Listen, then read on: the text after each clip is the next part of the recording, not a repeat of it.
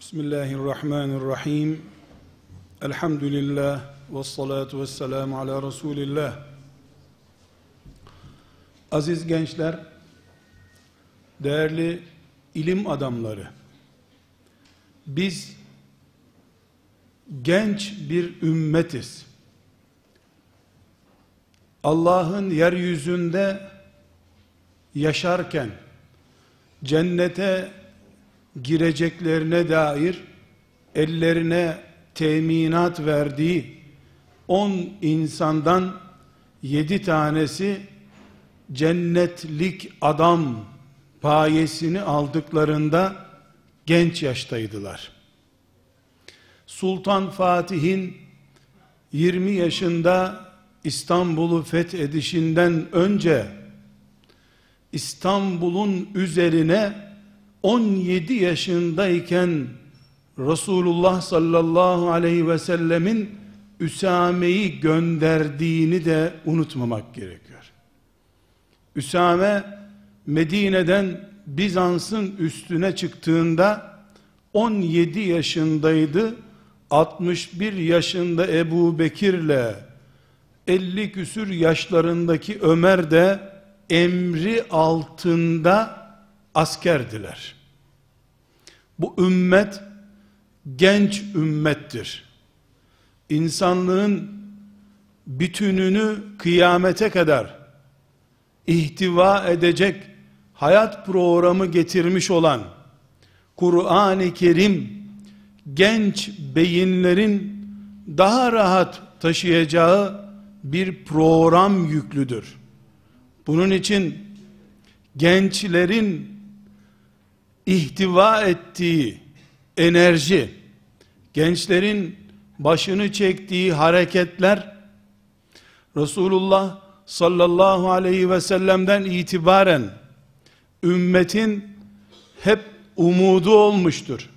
Kıyamete kadar da böyle olacaktır. Bu kuralın tabii bir gereği olarak da Allah'ın yeryüzündeki hidayet nurunu söndürmek için Allah'tan ruhsatlı olarak iş gören iblisin de yeryüzündeki en büyük planları gençlik üzerindedir.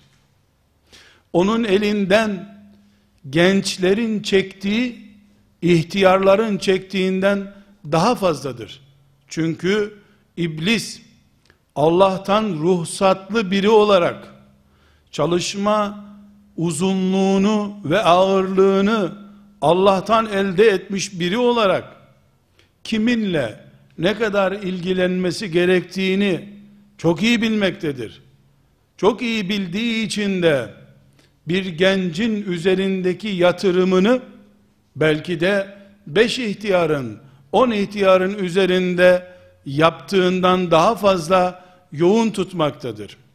Peygamber aleyhisselamın bi'setiyle başlayan günden kıyamete kadar geçerli kural budur. Bu ümmet genç ümmettir. Bu ümmet bir bayanı 10 yaşındayken vahiy inen eve gelin gidecek çapta bir ümmettir. Bu ümmetin gencecik kızları ümmetin bağrını kendisinde ihtiva edecek kapasiteye sahiptir. Bu nedenle o gençlerden biri olarak 17 yaşında Üsame peygamberi temsil edeceği en üst görevle tereddütsüz bir şekilde görevlendirilebilmiştir. Fatih de Fatih'ten sonraki nesiller de 14 yaşında evrensel çapta kitaplar yazmaya başlayan Suyuti de öyle biridir. Ona da gerek yoktur. Asırlar öncesine gitmeye gerek yok. Asrımızda da Mustafa Sabri denen zat padişahın namaz kılmak için geldiği camilere ders muallimi olarak tayin edildiğinde hacı amca değildi. Genç delikanlıydı. Şimdi kimsenin kız vermeye güvenemediği çağda Fatih kürsüsüne dersi am olarak oturmuştu. Hasan el-Benna ümmeti Muhammed'in öldü zannedilen çağında, zamanında dünya Müslümanlarının tamamını kuşatacak projenin sahibi olarak meydana çıktığında 22 yaşındaydı. Bu ümmet Fatihinden alimine kadar genç bir ümmettir. Bunun için gencinden umut var bir ümmettir. Gencini umutla büyüten bir ümmettir. Şeytan da aynı şekilde bütün projelerini, batılın hükümran olma planlarını gençlerin üzerinden yürütür. Bir genç Resulullah içinde çok kıymetli Enes'i olduğu zaman, Üsamesi olduğu zaman, Aişe'si olduğu zaman, Fatıma'sı olduğu zaman peygamber içinde çok değerli genç, iblis içinde çok değerli. Güçlerin savaştığı ortamda gerçek güç sahipleri en karlı yatırımı yaparlar. Peygamber aleyhisselam da Ebu Bekir'i yanına çektiğinde gençti. Ömer'i de gençti. Ali'si çocuktu. Ama onların üzerine yaptığı yatırımla kıyamete kadar yanacak meşaleyi tutuşturmuştu. İblis de aynı şeyi yapmıştı. Her halükarda kardeşler bu ümmetin cennetle müjdelenmiş on adamından yedi tanesi henüz gençlik çağını bitirmeden Allah'tan cennet garantisi aldıysa bu şu demektir ki bu ümmetin cennete doğru gidilen yolunda enerjilerin de umutların da pratik sonuçların da yüzde yetmişi gençlerin üzerindedir. İlk zamanda da orta zamanlarda da kıyamet zamanında da ahir zaman olması ne şeytan için bir plan değişikliği nedenidir ne de gençlerin bir zafiyet içerisine düşme nedenidir. Değerli kardeşler, sevgili genç arkadaşlar, şimdi bir başlığın içini doldurmak istiyoruz. Ahir zamanda genç olmak bir şey ihtiva ediyor mu? Ya da ahir zamanda genç olmanın negatif sonucu mu var? Ya da çok pozitif kazanımları mı var? Diyoruz ki hayır. Hiçbir şey değişmiyor. Orta zamanda olmakla evvel zaman olmak arasında da fark yok. Ahir zamanda da yaşamanın bir farkı yoktur. Şu kadar ki Allah Adem aleyhisselamdan beri aynı cennete aynı değerde farklı imtihanlarla davet ediyor kullarını. Kiminin karşısına putperest müşrikleri dikti, onlarla imtihan olmalarını istedi. Kiminin kucağına servetler döktü, onunla imtihan olmasını istedi. Kimini de ahir zamanda internet ağlarına taktı. İki şey hiç değişmiyor. Davet ettiği şey Allah'ın Darusselam herkes için aynıdır. Habil ile Kabil de Darusselam'a cennete davetliydiler. Ta en son insan olarak kim gelecekse onu da Allah cennetine davet etmektedir. Bu birinci kanun. İkinci kanun da esasen Habil ile Kabil'in tabi tutulduğu imtihanla şimdi internet ağlarına takılmış bir gencin tabi tutulduğu imtihanın tonajı aynıdır. Birine göre Habil çok ağır, öbürüne göre internet üzerinden imtihan olan gencin imtihanı daha ağırdır diyemeyiz. Çünkü mutlak adaletiyle hükmeden ve yeryüzünde kullarına mutlak bir adaletle emirler ve yasaklar veren Allah, Habil'in imtihanını bir kurban kesmekle ibaret tutup, mesela 100 puanlık bir imtihanken, şimdiki gencin önüne 150 puanlık bir imtihan çıkarmaz. Bu adaletine aykırı olur Allah'ın. Ya biz demirle pamuğu bir kilo oldukları halde dış görünüşü itibariyle farklı gördüğümüz gibi, yanıldığımız gibi filancanın, filanca insanın filan zamandaki imtihanıyla şimdiki müminin imtihanı arasında fark olduğunu zannederiz. Hayır, ilk insan Habil'le Kabil, ilk insanın çocukları Habil'le Kabil nefse yenik düşmek veya düşmemek diye özetlenecek bir imtihana tabi tutulmuşlardı. Resulullah sallallahu aleyhi ve sellemin amcası olarak ölüm döşeğinde bekleyen Ebu Talip de aynı imtihana tabi tutuldu. Kendisinden sonra ne der akrabaları diye bir nefis barajını aşamadı. Şimdiki gencin de ihtiyarın da orta yaşlının da imtihanı nefis imtihanıdır. Bütün imtihanlar aynıdır. Biz bunları zaman ve mekan olarak sadece renklerinin, statülerinin, isim ve ambalajlarının değişmiş olmasına aldanırsak eğer farklı bir imtihana tabi tutulduğumuzu zannederiz. Değerli kardeşler, bu hakikatler bizi şuraya götürüyor. Bu zaman hangi zamansa ben mümin olarak o zamanın imtihanına hazır olmam gerekir. Bir aldanmışlığım, tuzağa düşmüşlüğüm olamaz. Yani Allah önceki neslin karşısına mesela 150 sene önceki neslin karşısına orijinalinden daha güzel kadın fotoğrafları çıkarmadı. Şimdi orijinalinden kadının tabiatından daha güzel güzel photoshoplarla hazırlanmış fotoğraflar caddeden, balkondan, gazetesine kadar her yerde karşımda benim deyip ağır bir imtihana tabi tutulduğumu, fotoğraf, film ve benzeri kışkırtıcı kavramları tanımayan nesle göre benim müminliğimin ağır bir imtihana tabi tutulduğumu iddia edersem cevap veremeyeceğim bir soru bulurum. Şimdi fotoğrafından, filminden binlerce kışkırtısına kadar bir sürü fitne var diye insanlar zinaya düşüyorlarsa 150 sene önce neyin zinasına düştüler? Maiz radıyallahu anh Medine'de ne buldu kışkırtıcı olarak da zinaya düştü? Hadi dış şehirler Bizans öyleydi. Hadi müşrikler Mekke'de hakimdi, fitne fesat. E, Medine'de Bilal vardı, ezan vardı, peygamber vardı. Maizi zina tuzağına düşüren nedir? Asıl olan şudur. İnsan için fotoğraf, film ve benzeri kışkırtıcıya gerek yoktur. Şeytana elini uzatan kapkara bir taş parçasından da her türlü fitneyi kapar. Çünkü asıl sorun insanın bünyesindeki çekiciliktir.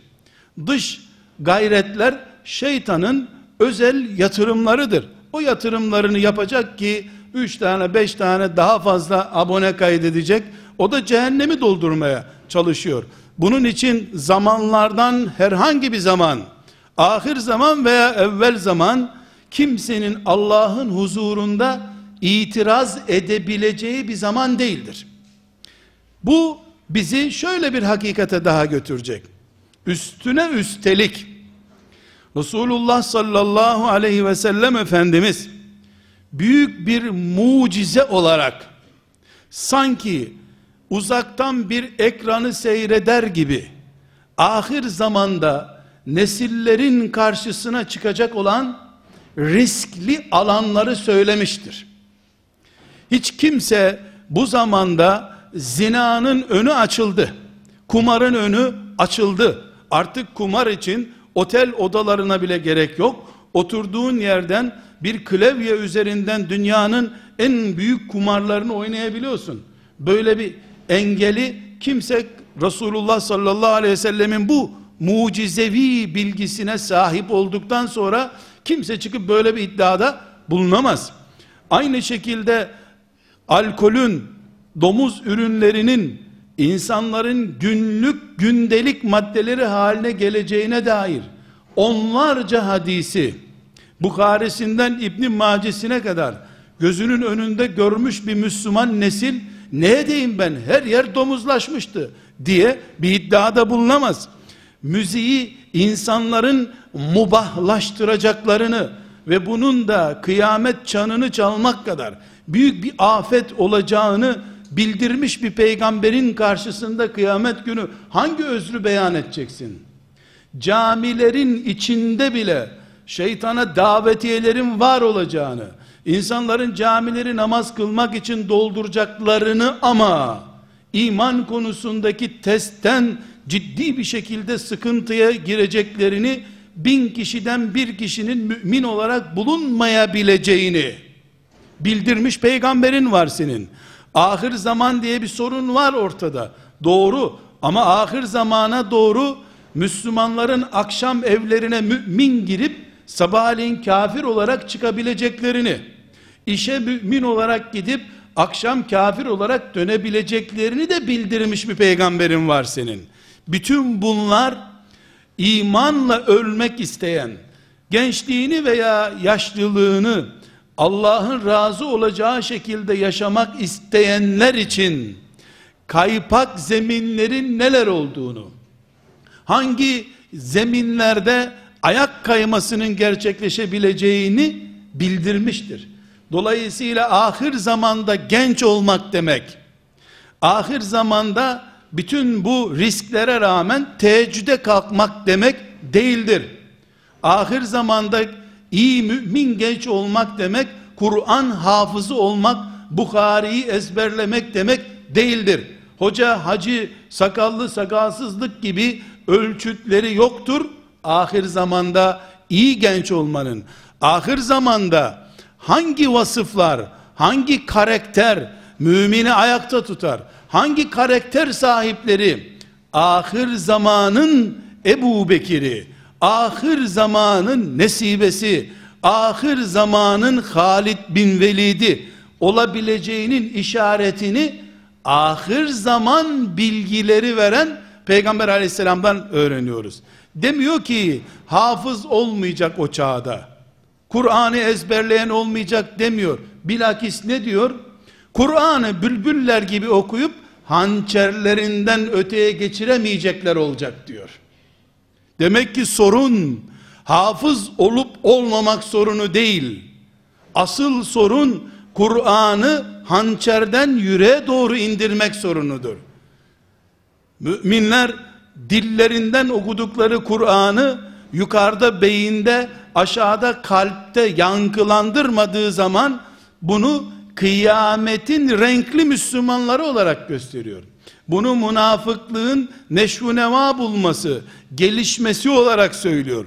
Sorun kıyamete yakın camilerin azalması sorunu değil. Demiyor ki kıyamete yakın benim ümmetim cami bulamayacak. Böyle bir hadis duydunuz mu? Değil.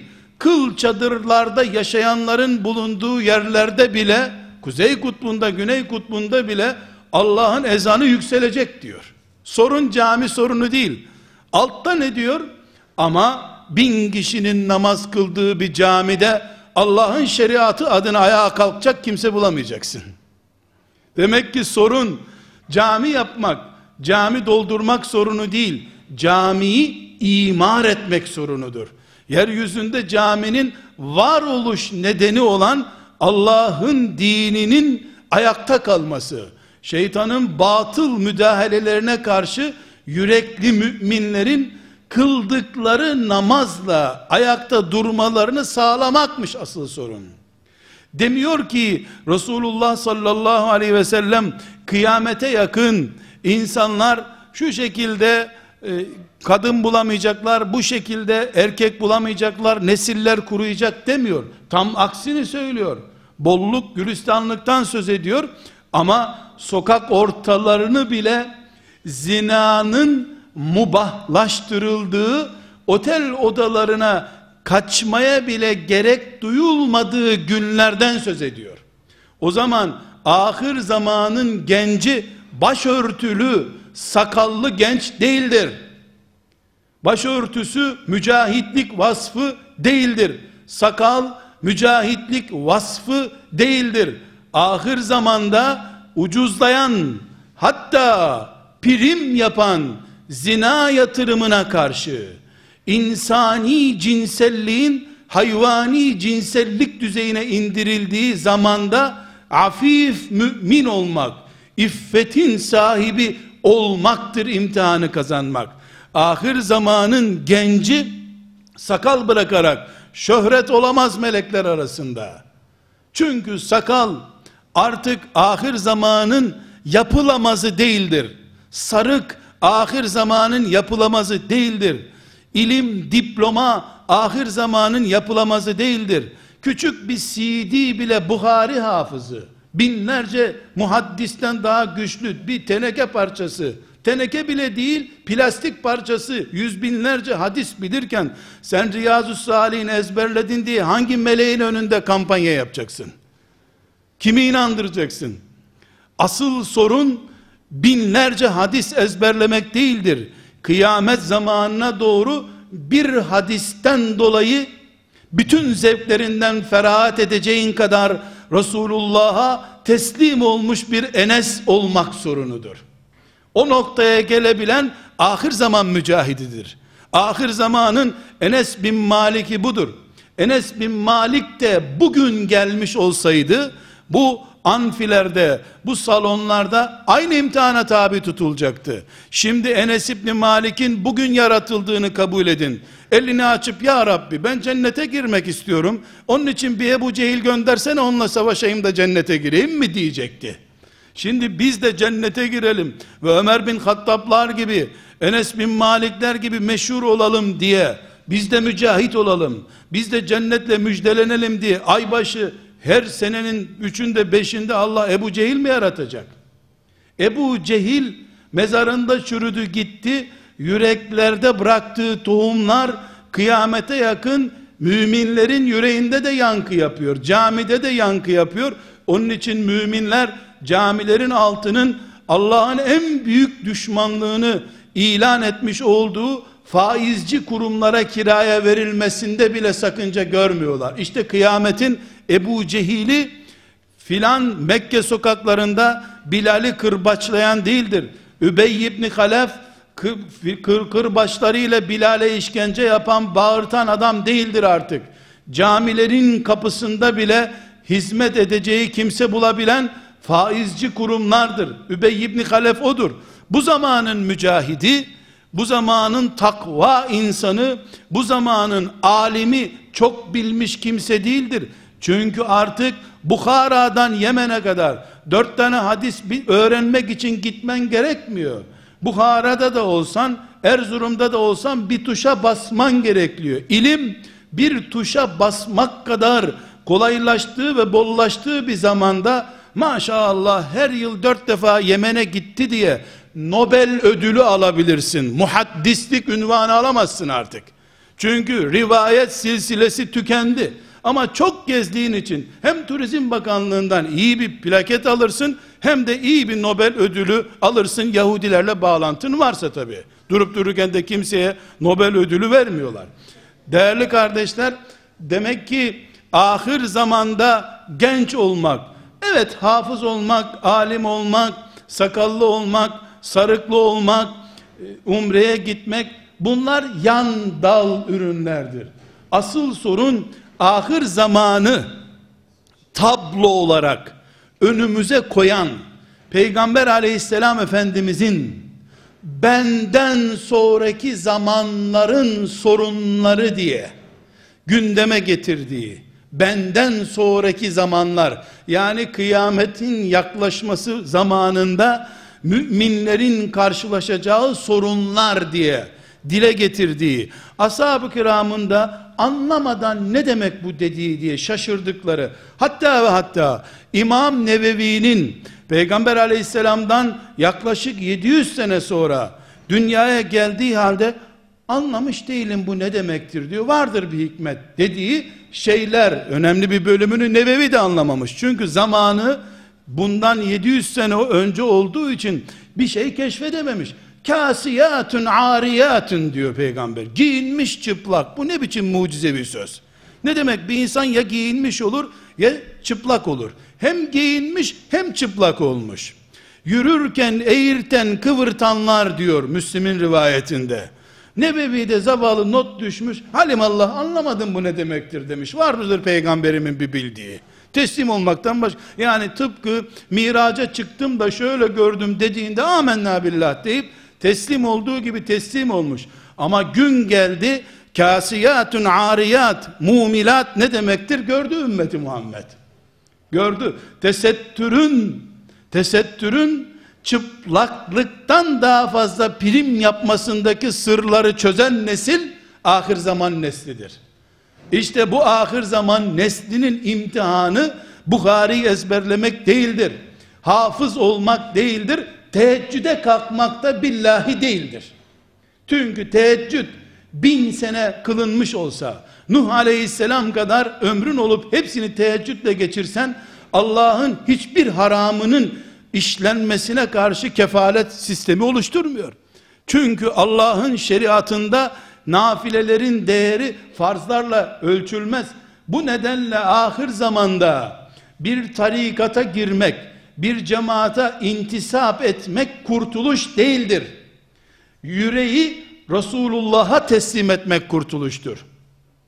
Bir tarikata girmek, bir cemaate intisap etmek, bir dergiyi okuyanlar arasında bulunmak, bir hoca efendinin talebeleri arasında bulunmak eğer fiiliyatta sonuç olarak bu mümine, mümin gence, mümin insana Allah ismi anıldığında, Kur'an ayetleri okunduğunda, şu Enfal suresinin başındaki ayetteki gibi bir titreme oluşturmuyorsa, faizli kredi imkanı teklif edildiğinde, önünde nükleer bir silah görmüş gibi ürperti oluşmuyorsa, bakalım hocalardan fetva veren var mı diye biliyorsa, hiçbir tarikat, hiçbir cemaat, hiçbir ilim ünvanı, hiçbir geçmiş fazilet işe yaramıyor demektir.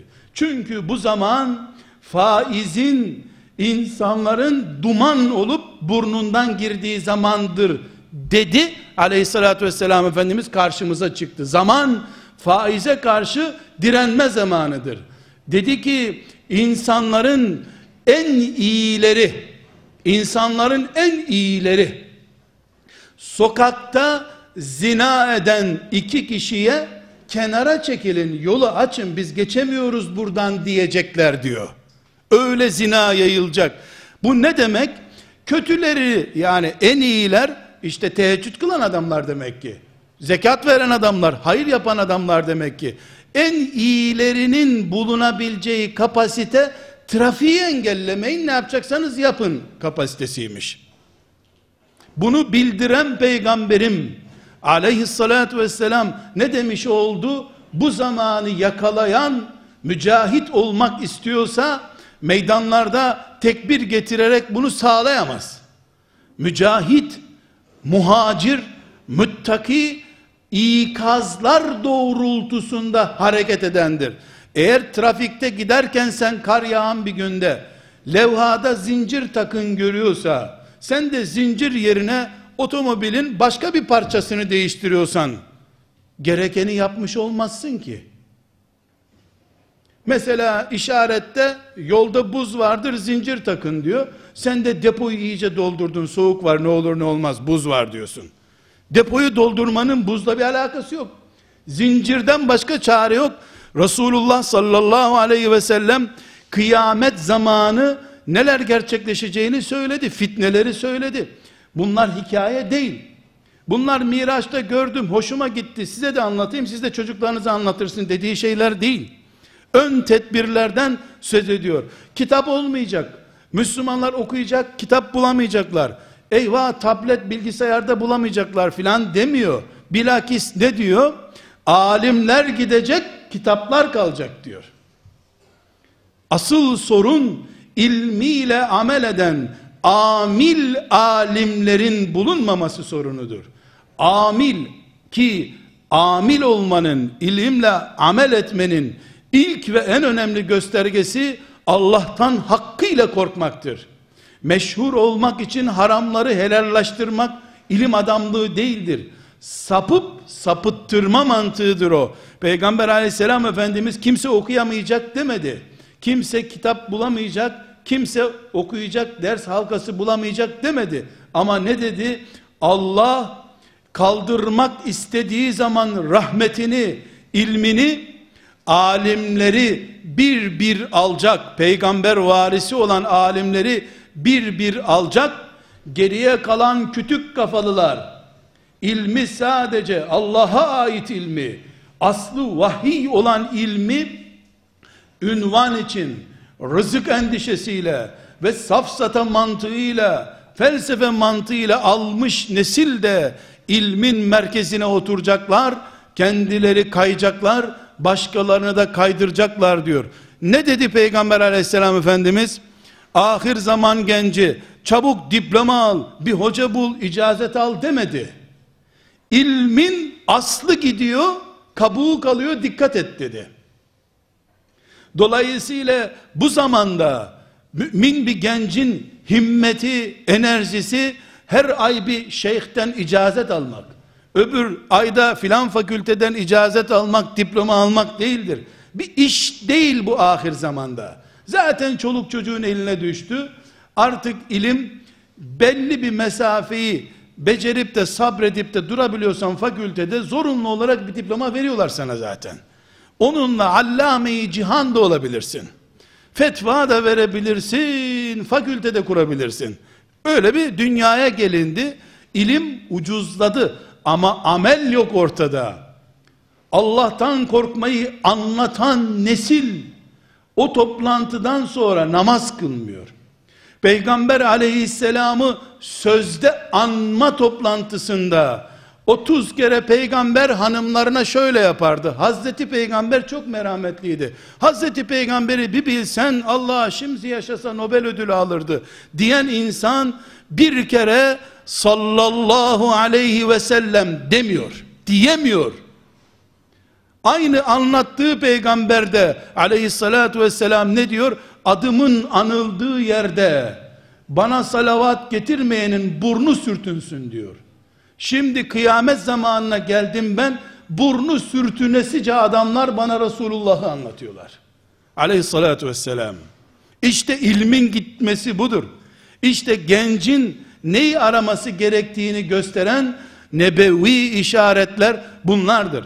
Değerli kardeşler, çok sözler söylemeye gerek yok. Bunlar zaten her Müslümanın gözünü açıp pencereden baktığında ya da evindeki oturduğu mobilyadan evinin içinde bile bir tur attığında görebileceği şeylerdir bunlar.